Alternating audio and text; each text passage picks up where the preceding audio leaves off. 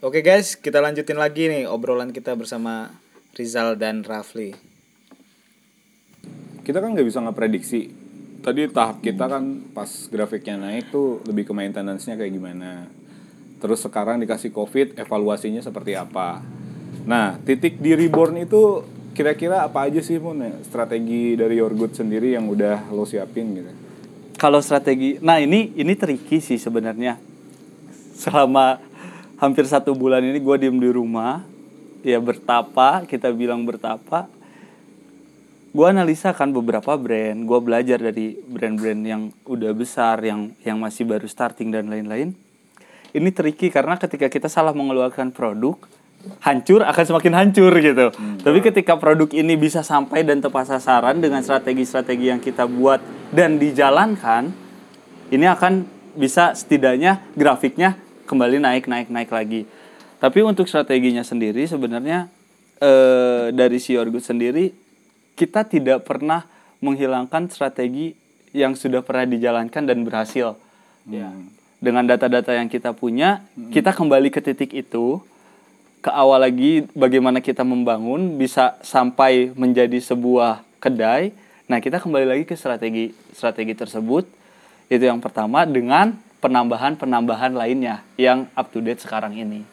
Kayak gitu. dengan dinamika market yang Di- sekarang ya, kan? dengan dinamika market yang sekarang yang tentu- sehari besok bisa berubah, Bisa berubah. lusa beda lagi gitu. Iya. Yang mungkin juga, yang mungkin juga pasca Covid ini mungkin strategi beberapa kafe-kafe atau F&B itu ada penambahan kos pastinya. pasti.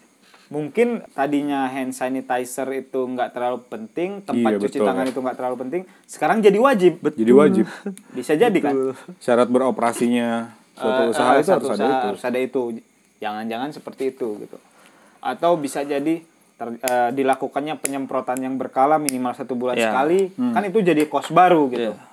Mungkin eh, di situ trikinya gitu. tricky betul Tapi buat gua, buat gua pribadi dan buat Your Good, karena pandemi ini kita nggak bisa prediksi, kita hilangkan pikiran itu gitu. Hmm. Jadi dalam berstrategi ini, gua nggak mikirin ini entah sampai kapan gitu. Tapi gua bener-bener mikir ini adalah kita anggap cara pola hidup baru Heeh. yang kita dapat dan bagaimana kalau selamanya seperti ini walaupun kita nggak mau gitu ya Betul. pengennya kembali normal tapi cara pandang gue kayak oh ya udah kita seperti ini dalam mungkin jangka waktu tiga bulan 4 bulan yang diprediksi dan kita anggap itu selamanya jadi kita menghiraukan si kondisi saat ini gitu dalam tanda kutip ya kita hiraukan jadi ya udahlah kondisi seperti ini ya gue harus Ini dianggap jalanin normal. ya dianggap normal, Normal aja. yang baru. normal yang normal baru yang Kalau baru. beberapa eh, buku yang baru keluar tuh kan new normal. Ada New normal. 30 new normal itu kan. Betul. Salah satunya itu. Mungkin itu juga eh, relevan sama Yorgut kalau menurut gua ya karena Yorgut kan minuman sehat. Iya. Jadi semua item yang ada di dalam itu bisa dibilang harus steril kan. nah iya sih itu juga yang menjadi sebenarnya keuntungan ya Keuntungan sangat-sangat keuntungan karena ya dengan kondisi seperti ini orang-orang mencari minuman makanan sehat itu jadi peluang kita gitu benar-benar jadi peluang besar Seharusnya bisa iya market. asalkan bener-bener kita nggak asal-asalan buat ngeluarin sebuah produk Iya. produknya gitu kayak tenang gitu jangan buru-buru jangan rusuh santai oke ketika sudah tepat semuanya sudah baik sudah sesuai dengan yang dibutuhkan untuk dikeluarkan mari kita keluarkan Ya selalu eh, kalau menurut gue selalu ada pelangi lah di setiap badai kan. iya Selalu ada hujan. selalu ada turunan di setiap tanjakan gitu.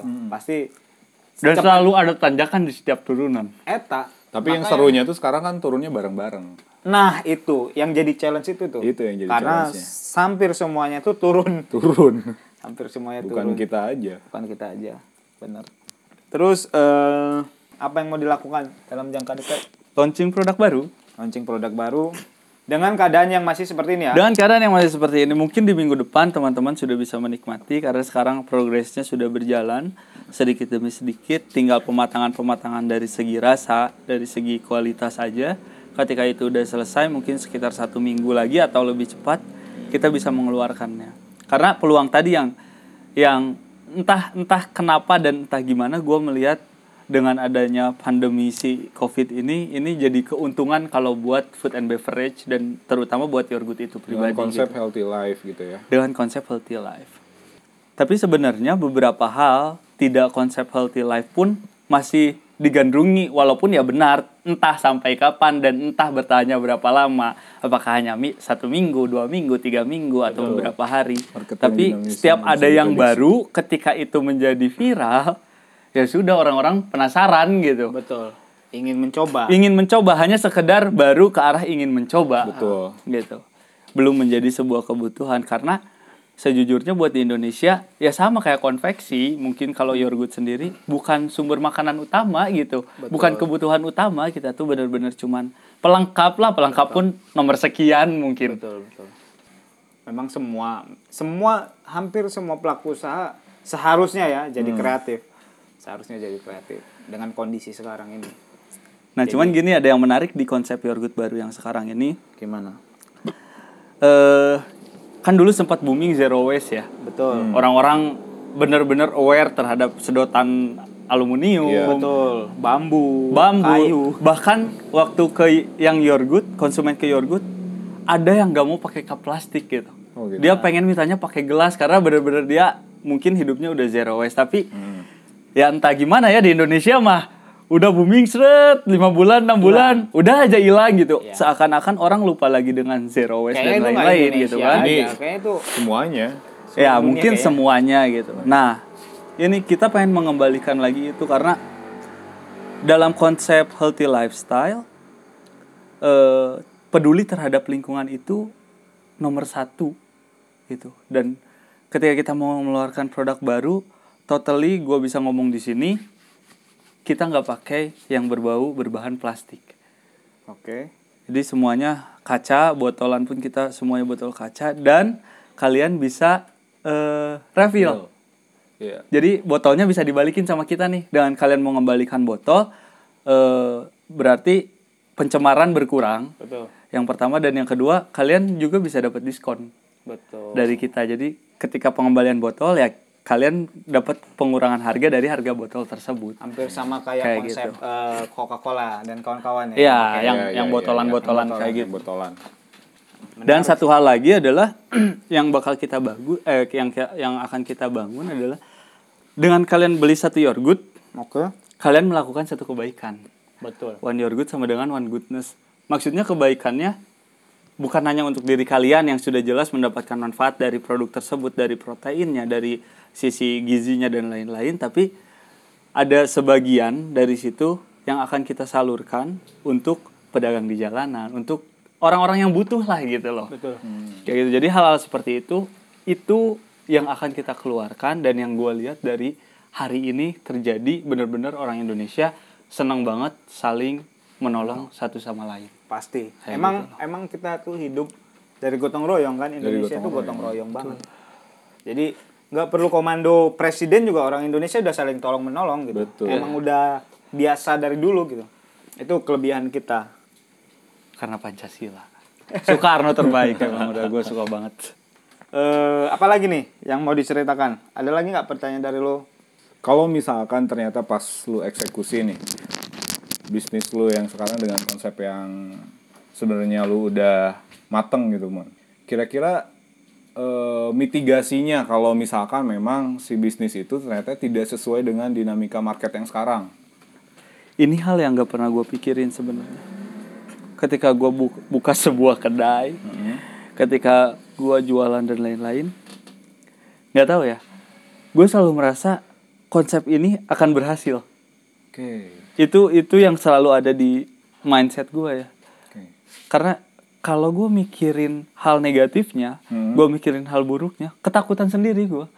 Gak akan muncul-muncul si produk-produk yang eh, gue keluarin. Hmm. Mungkin Your Good Smoothies Bar juga nggak akan mungkin ada gitu dengan ketakutan-ketakutan itu. Hmm. Nah di situ gue selalu berpikir, walaupun oke kita ngomongin perandaian hal ini tidak berhasil, tidak sukses, tapi kalau saat ini gue nggak akan pernah bisa jawab ketika bisnis ini belum berjalan, karena gue harus tahu di mana letak kesalahannya. Berarti fokusnya yang penting launching dulu, Yang penting launching dulu. nanti animo masyarakat seperti apa. Iya. Yang jelas konsepnya sudah sesuai dengan keadaan masyarakat Indonesia sekarang. Tetap harus action. Iya. Action. Seberapapun hebat konsep, kalau nggak ada action nggak ada apa-apa. Iya, sia-sia mak. Maka dari itu gua gua nggak terlalu mikirin Mitigasinya kayak iya, gimana ya? kalau ini nggak berhasil seperti apa, kalau ini nggak berhasil seperti apa. Entah itu menjadi sebuah kekuatan atau menjadi sebuah kekurangan gitu ya. Hmm. Makanya bisnis gua kemarin turun, kemarin turun, kemarin anjlok walaupun ah, itu murni kesalahan dari kita sih. Tapi ya gua nggak mikirin lah tentang itu. Kayak ya seru-seru aja gitu. Kayak gua bisnis jalanin, gua senang, dapat cuan alhamdulillah, nggak dapet cuan ya gua pikir lagi lah gimana caranya biar ini menghasilkan gitu. Itu yang Intinya yang penting kita yang besok itu adalah kita yang tidak mengulangi kesalahan kemarin. betul. Ya, Yang itu. penting itu. Penting. Kan memang memang kalau menurut gue memang kayak gitu ya fase berbisnis setelah naik turun lagi, setelah naik turun lagi. Yang penting kita tidak turun di tempat yang sama, tidak naik di tempat yang sama. Iya. Kita naik lebih tinggi tapi turun tidak lebih rendah daripada dulu gitu. Nah, itu keren banget kata-kata lu teh. Tapi jadi gue punya pertanyaan satu. Hmm. Kenapa bisnis harus ada naik turunnya? Maksudnya harus naik terus? Apa Karena turun balik terus? balik lagi ke yang tadi ya, kalau menurut gue ya, bisnis itu adalah representasi kehidupan manusia yang selalu eh, ada ad- ada goncangannya, ada masalahnya, ada naik turunnya dan dan kita sebagai pelaku bisnis memang benar-benar eh, urusannya itu vertikal. Maksudnya ma- gimana vertikal? Maksudnya kita tanpa perantara, kita memang langsung benar-benar minta ke Tuhan. Tuhan minta rezeki, aku berbisnis Ditunjukkan ini gitu. jalannya gitu. Kalaupun itu jatuh memang jatuhnya dari dia juga gitu. Sehingga kalau kita jatuh ya ngadunya ke dia lagi gitu kan. Makanya tadi itu eh, eh, apa? tempat curhat terha- terakhirnya ke sana gitu. Hablum minallah ya. Iya, memang memang benar-benar vertikal urusannya gitu. Walaupun horizontal mempengaruhi gitu kan. Walaupun horizontal Karena kan kita tapi- eksekusinya sama horizontal Betul, dulu. tapi kan eh, s- memang benar-benar si rezeki itu datangnya dari atas gitu. Apalagi ditambah pandemi ini kan. Iya. Kan turunnya dari vertikal. Nah, ini kan jadi jadi bukti kan ketika kita seberapapun bisnis besarnya terpengaruh. Betul. Karena urusannya ini bukan bukan manusia lagi gitu. Yes. Gitu. Poinnya ke situ lagi ya. Poinnya ke situ. Makanya ketika jatuh tuh memang harus apalagi ini bulan Ramadan ya kan. Betul. Saatnya kita untuk eh, apa? mendekatkan diri kepada yang di atas gitu. Betul. Setuju. Gitu bagi yang muslim bagi yang yang non muslim eh, cara mendekatkan dirinya ya datang ke tempat-tempat ibadahnya atau sekarang nggak bisa ya di, dari rumah kan bisa berdoa gitu Punya caranya sendiri punya cara masing-masing yang jelas kita sama-sama punya Tuhan gitu Ya. dan mungkin itulah tempat ngadu kita paling akhir gitu. Iya. Dan menurut gue sih yang paling penting tuh ya obrolan kita ini. Sekarang semakin sedikit orang yang berpikiran luas dengan segala macam permasalahan yang ada. Tapi dia hanya mengunci dirinya sendiri gitu. nah justru itu justru makanya kemarin beberapa hari yang lalu gue bikin eh, story di Instagram ya kan Eh, hari-hari pandemi hati-hati resesi apa banyak-banyak diskusi Iya banyak-banyak diskusi. biar nggak mati sendiri gitu makanya kita harus diskusi gitu Betul betul. karena eh, nggak tahu dari pikiran kita dari pikiran kita bagus dari pikiran orang lagi ada yang lebih bagus Iya. dari pikiran yang lain lagi ada yang lebih bagus lagi ya itu itu kita kumpulin jadi semangat ya mudah-mudahan ada solusi gitu Amin. amin. mudah-mudahan ada solusi untuk kita semua gitu Amin. Gue punya akuarium kan di rumah. hmm. Kalau malam stres gue suka ngamatin ikan gitu ya diem. ya Diajak ngobrol ikan ya udah Enggak. belum? Tapi gue jadi mikir semenjak adanya pandemi dan kita di lockdown. Ini gue kayak ikan aja, cuma di satu kotak doang. Gue bulak balik ya, udah di situ aja gitu. Nung- nungguin Nggak- orang ngasih ya, makan iya. gitu ya. Terus gue mikir, kayaknya enakan jadi ikan dari dulu udah biasa di lockdown gitu kan. Bisa jadi. Eh, udah udah biasa di lockdown, makanan dikasih kan. Betul. Ketika Iya. ada pandemi ya udah tetap aja di lockdown gitu kan, tetap aja di situ Nggak ada pengaruhnya. nggak ada pengaruhnya gitu loh. yang gue tangkap intinya kan sebenarnya kita bisa biasa-biasa aja tidak terpengaruh Betul. dalam segi pikiran. Iya. Kalau dalam segi ekonomi dan lain-lain fisik pasti Udah pasti. berpengaruh karena kita tidak berkegiatan itu banyak yang terpengaruh. Cuman dalam segi pikiran minimal kita bisa contoh ikan tadi. Karena dia udah biasa di lockdown, jadi biasa. Ya udah gitu. biasa aja Eh, gitu, kan menikmati aja gitu. Kalau ikan memang supply-nya kan tetap ada karena kita ada yang merhatiin gitu. Nah, ketika kita di lockdown, kan kita berharap sama pemerintah yang kita. Jadi kita disuplai nih ikan kecil nih. Buat makan nih, nih udang cacing nih. Nah itu mudah-mudahan pemerintah kita tetap kuat lah diberi kesehatan semua Amin. pejabat-pejabatnya Amin. diberi ingatan yang bagus bahwa masyarakatnya nggak kaya semua gitu. Iya, iya betul. Kan ada ikan arwana, ada ikan cupang juga. Iya, jangan bener. lupa. Iya. Cupang. Jangan Ada yang- semuanya perhatiannya ke arwana semua. Iya, ada gitu. yang jutaan, ada yang betul. gopean. Nah itu dia. Nah, itu dia. Nah tadi teh gue nanya sama eh, teman terkait dengan mitigasinya kalau misalkan dia udah punya konsep yang betul-betul matang buat reborn usahanya dia. Nah kalau misalkan dari segi konveksi tuh gimana nih? Kira-kira yang yang lu strategiin ketika lu udah punya konsep nih nanti ke depannya seperti apa? Nah mitigasinya kalau misalkan ngelihat dinamika marketplace sekarang tuh sangat dinamis gitu. Kalau gue sih sekarang eh, lebih condong ke bertahan karena sistem yang lagi gue bangun itu sedang berjalan gitu. Dan hasilnya lumayan bener, lumayan bagus. Cuman sekarang ini kan karena ca- cash flow kita berhenti, dipaksa berhenti cash flow kita dan gua udah coba beberapa teknik marketing untuk ada barang ready stock gua bisa keluar, cuman tetap masih sulit. Ya sekarang gue lebih fokusnya ke bertahan dulu. Gimana supaya si bisnis kita nggak hancur gitu. Survive dulu ya. kita survive dulu karena pasca itu kan kita udah udah udah punya banyak waktu nih untuk mikirin gimana sistemnya besok apa yang harus kita lakukan. Kita udah punya nih yang mau kita lakukan besok ini. Cuman kondisi sekarang nggak bisa di diaplikasikan sekarang gitu. Posisinya kita nggak bisa mengaplikasikan itu pada saat ini. Sehingga kita harus bertahan dulu nih setelah kita bertahan barulah kita eksekusi itu tadi gitu. Mudah-mudahan eh, itu bis- bisa memperbaiki kinerja kita yang kemarin gitu. Mudah-mudahan bisa memperbaiki kinerja kita yang kemarin. Karena buat ya pebisnis atau bukan pebisnis aja sih, mungkin beberapa orang gitu ya. Walaupun di lockdown, otak kita nggak diem gitu. nggak diem nggak bisa diem. Iya, karena setidaknya walaupun berkaryanya jadi berkurang intensitasnya, tapi kita berpikir terus ini bagaimana lagi, ini bagaimana lagi, ini baga- entah diterapkannya hari ini atau lusa atau kapan gitu. loh. Kayak gitu. Jadi untuk mitigasi sekarang itu nggak bisa diprediksi ya. nggak bisa diprediksi kita yang jelas eh, menurut gue ya sem- untuk semua pebisnis eh, apalagi yang yang udah gede udah ngerti lah dia melakukan seperti apa kalau yang kecil-kecil kayak kita sebisa mungkin kita bertahan dan bisa start lagi dikala ini semua berakhir gitu Ataupun saat sedang berjalan. saat sedang berjalan Fokusnya starting pointnya. ya pokoknya fokusnya kita harus bisa nantinya tetap start ketika ini sudah berakhir gitu. Walaupun eksistensinya memang sudah tergerus ini ya. memang iya itu pasti Ini yang sulit sekarang di FNB. Gue perhatiin banyak akun Instagram FNB.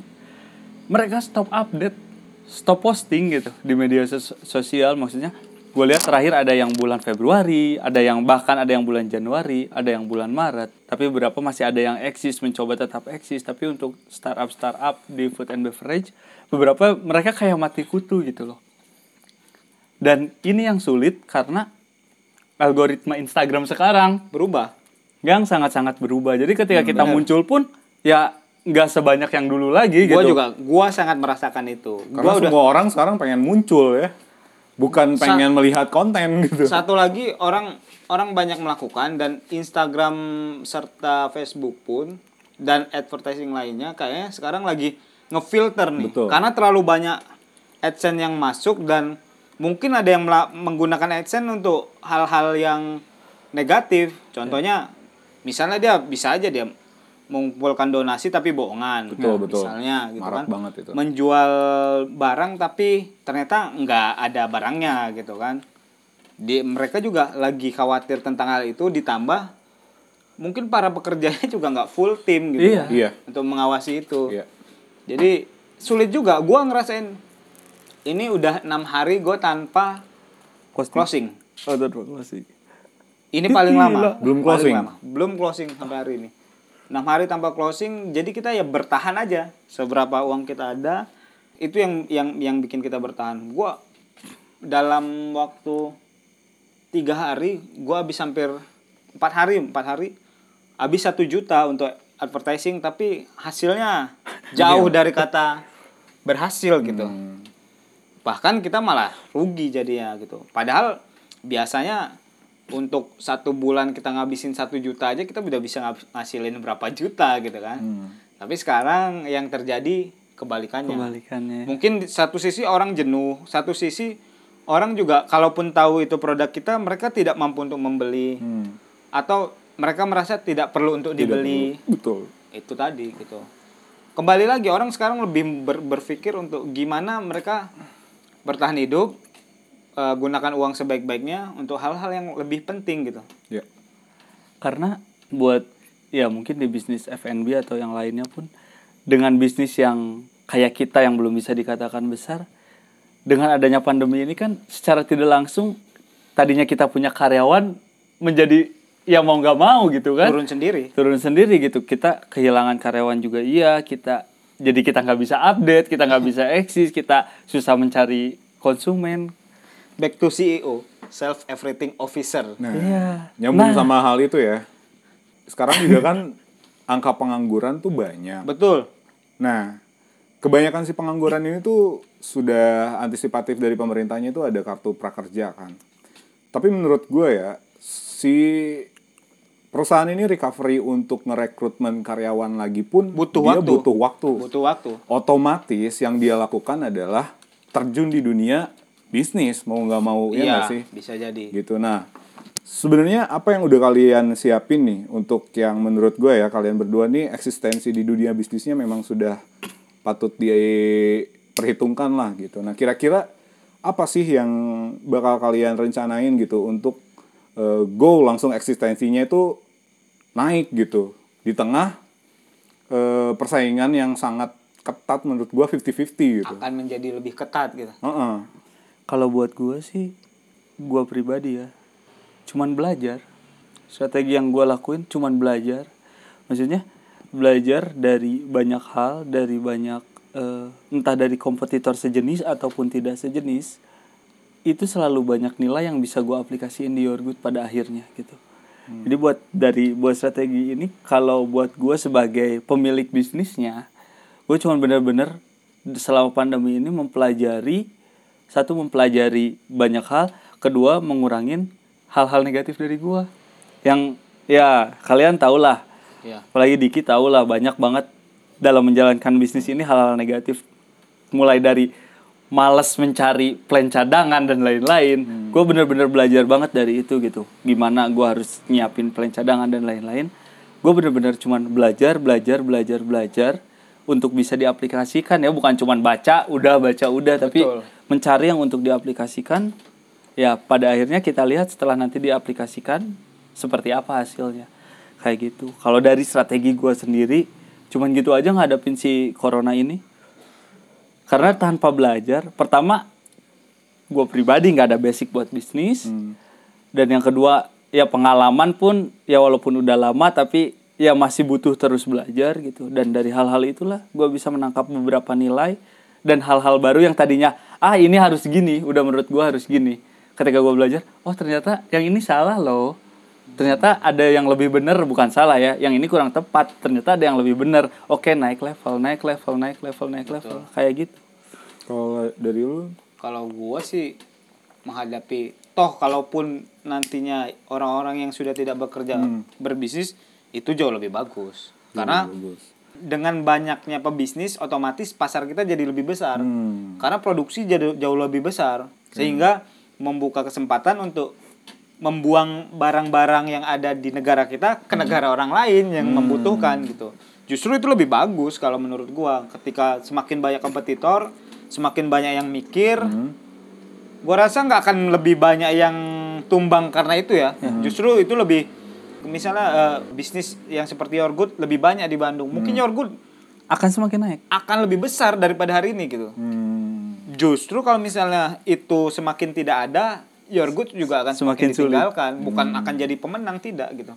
Justru kalau menurut gua yang yang terjadi sekarang ini jika itu itu terjadi banyak orang ingin berbisnis itu lebih bagus gitu. Lebih bagus. karena eh otoma secara otomatis produksi kita jadi lebih besar, pemasukan negara jauh lebih besar. Ya contohnya Cina hari ini lah gitu. Iya. Hmm. Cina itu hidup gara-gara UMKM-nya bisa mem- mem- membuat eh, barang-barang yang jauh lebih besar daripada UMKM itu gitu. Hmm. Sehingga perekonomian mereka tuh bagus. Sekarang ya nggak bisa kita pungkiri mereka kaya sekarang. Mereka kaya banget negaranya gitu. Ya dengan dengan cara itu karena menurut gue Indonesia punya punya kesempatan besar di situ gitu. Jadi 4.0 bla bla bla bla bla itu jangan setengah-setengah gitu Oke. memang benar-benar harus diimplementasikan secara benar karena kesempatan kita karena kita punya banyak orang kreatif, kita punya banyak space lahan untuk dijadikan pabrik, kita punya banyak space lahan untuk dijadikan lahan pertanian, kita punya ikan yang banyak. Sekarang pemain-pemain yang jualan ikan kan bisa dibilang nggak banyak. Iya. Kalau semakin banyak yang main ikan, mungkin kesempatan untuk negara lain nyuri ikan di kita jadi kecil kan, gitu.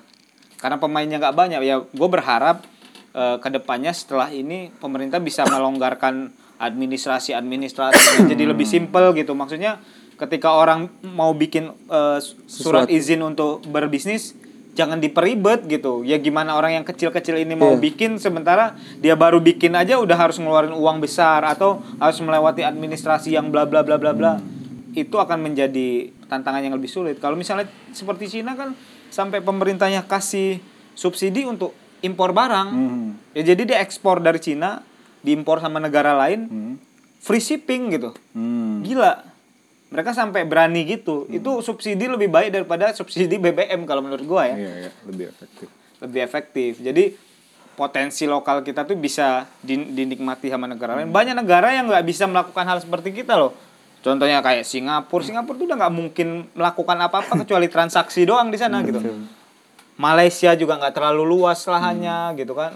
Banyak negara-negara kecil yang bisa kita masukin tuh barang kita. Udah lu nggak usah kerja, bikin kayak gini ribet, udah beli dari Indonesia aja. Itu yang dilakukan Cina hari ini gitu. Hmm, Termasuk negara sebe- sebesar Amerika pun ngemaklun barang-barangnya elektronik dari Cina. Hmm.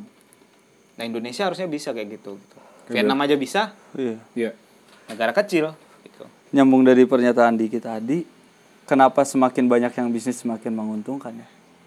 Gua ngerasain itu. Maksudnya gini. Kenapa di awal-awal Yorgut agak kesulitan? Karena gue survei sebelum buka kedai itu, yang jual pure smoothies di kota Bandung itu nggak ada loh. Nggak Cuman ada. Yorgut sendiri pemainnya.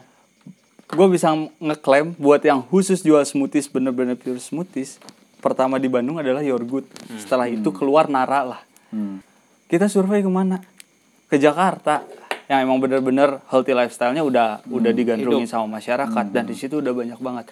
Dan di situ kerasanya apa? Ketika hanya dua pemainnya di kota Bandung kesulitan mengedukasi masyarakat. Tapi ketika banyak informasi kan yang diserap banyak ya. Betul. kamu melihat dari akun A, kamu melihat dari akun B, akun C dengan eh, produk yang sama, menginformasikan hal yang hal yang sama pada akhirnya sebenarnya bukan kompetitor lagi, tapi kita saling sa- saling, ba- Saling bahu mempromosikan. iya, bahu membahu memberitahu loh tentang Supaya produk masyarakat ini gitu loh. familiar gitu iya, ya. supaya masyarakat familiar. Terus gue jadi inget satu kata-kata di buku tentang pernyataannya gini di buku itu kurang lebih kalau semua orang bisnis, kalau semua orang jualan, lalu siapa yang belinya? Jawaban di buku itu cuma gini, pastikan saja bukan kita yang membelinya. Dia ketika semua orang jualan ya udah kita ikut jualan dengan yang kita punya dan jangan takut siapa yang belinya karena yang belinya pasti ada aja gitu loh. Dan kita pun pasti membeli. Dan kita pun pasti membeli gitu. Ini tadi ya berputar lagi ya. Iya. Karena nggak mungkin satu orang itu megang semua macam bisnis. Tetap harus dibagi-bagi. Grup raksasa pun ada spesialisnya. Hmm.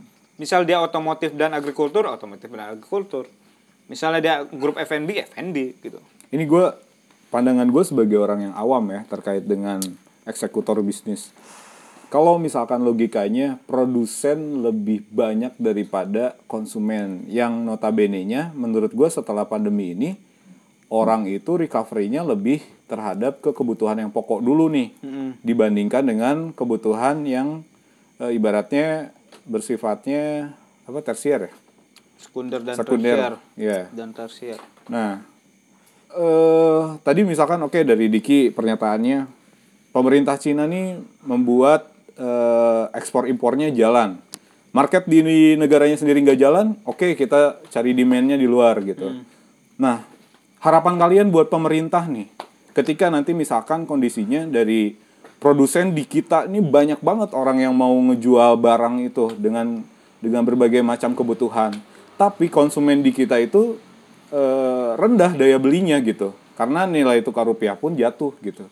Kira-kira apa harapannya buat teman-teman yang eh, di bagian bisnis ini untuk pemerintah solusinya itu seperti apa? ya pemerintah harus bantu untuk memasarkan produk kita sendiri. Yang terjadi sekarang pemerintah ingin sebenarnya nggak ada pemerintah yang nggak ingin eh, ekspor barangnya sebanyak banyaknya karena itu eh, salah satu kunci biar eh, mata uang kita jadi kuat, biar negara kita dapat pemasukan. Tetapi yang terjadi kan sebaliknya, emang produksi kita tuh rendah. Mm-mm. Nah, eh, terutama di sektor pangan kita masih banyak banyak impor dari luar negeri gitu kan. Seandainya itu terjadi kita surplus di sini sudah barang tentu pemerintah harus membantu barang itu keluar. Hmm. Nah, jangan sampai si si barang itu ngendap di Indonesia malah jadinya eh, jatuh-jatuhan harga kan. Nah, betul. Malah jadi jatuh-jatuhan harga. Makanya dengan terjadi yang seperti ini, misalnya jadi banyak produsen, jadi banyak yang kita hasilkan, mudah-mudahan ya kita bisa impor barang-barang kita ke luar negeri gitu. Walaupun sudah ada, cuman nilai ekspor kita tuh kayaknya nggak nggak lebih besar daripada impor kayaknya gitu. Iya, iya, iya. Mau kita dibilang kita punya eh, tambang emas paling besar lah, mau punya tambang minyak besar lah, mau kita negara agrikultur lah, tetap aja pada realitasnya kan kita impor. Itu kan berarti eh, walaupun mungkin ada permainan Hmm. di tingkat atas, tapi bisa jadi memang memang produksi kita kecil gitu. Jadi kita nggak mungkin lagi untuk mengekspor sementara kebutuhan dalam negerinya besar gitu. Kalau dari gua sih harapan gua buat pemerintah kasih pembelajaran lah Betul. untuk peternak setidaknya ya untuk peternak dan untuk petani karena Betul. kita tahu sumber daya kita teh luar biasa Hmm. apalagi di bahan pangan cuman masalahnya adalah kualitasnya tuh nggak bagus Betul. Itu balik Iya, lagi betul, betul. buat teman-teman yang lagi dengerin kita sekarang kalau belum dengerin podcast yang sebelumnya yang tadi kita eh, ngebahas tentang konspirasi dan staf khusus milenial, di situ kita ada ada nyinggung bahas kayak gini juga nih. Hmm. Kita eh, kita ngebahas kembali lagi eh, yang mendapatkan kartu prakerja seharusnya mendapatkan ilmu yang lebih teknis gitu. Yep. Bukan sekedar nonton YouTube atau nonton video terus dapat sertifikat. Guna ser- sertifikat apa kalau kalaupun si pem- pemberi sertifikat nggak punya kerjasama sama perusahaan-perusahaan tadi gitu. Hmm. Belum tentu diterima dia gitu. Dan sertifikatnya bernilai nggak bagi perusahaan-perusahaan yang akan dilamar kan itu jadi problem lagi. Buat apa buang uang sampai triliunan gitu. Makanya kalian denger podcast sebelumnya. Nah, betul. Nah balik lagi eh, setelah memberi edukasi mungkin memberi pelajaran buat petani dan peternak satu hal lagi permudah birokrasi harapan gue Eta yang tadi. Tadi ya. ya permudah birokrasi benar-benar Da- percuma sekarang kita Indonesia ngasilin barang bagus kualitas bagus tapi kalau birokrasi di pemerintah Indonesianya sendiri Berbelit-belit. berbelit-belit kita jadinya malas dan susah dan menghambat gitu Menghambat bener banget. bener-bener sangat sangat menghambat gitu jadi kalau bisa ya birokrasi permudah terus kasih edukasi kalau hasil pangan kita bagus dari petani dari peternak udah kok kita nggak usah ekspor kita nggak usah nggak usah import barang-barang dari luar gitu kan malah mereka mereka yang butuh dari kita itu aja Berarti itu ya. Jadi harapan dari teman-teman yang bisnis sekarang tuh bagaimana caranya pemerintah memberikan solusi terbaik terkait dengan recovery teman-teman untuk mendapatkan akses yang tidak beribet masalah birokrasi. Betul. Ya birokrasi kan banyak ya, termasuk haki, termasuk eh, izin ekspor impor kalaupun kita punya lebih gitu kan, punya Iya. lebih stok barang, barang apa pun itu. Eh, terus juga birokrasi permod eh, permodalan, akses permodalan.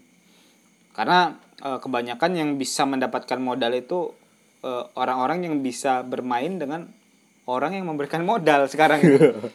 Kalau misalnya nggak punya akses nggak bisa juga ternyata gitu. Sulit ternyata gitu. Jadi sulit, percuma aja ada ada yang seperti itu tapi tetap jadi sulit karena itu tadi gitu. Makanya ya harapan kita gitu semoga semoga intinya birokrasi dipermudah lah gitu. Amin. Ya mungkin eh, teman-teman sekian podcast kita kali ini.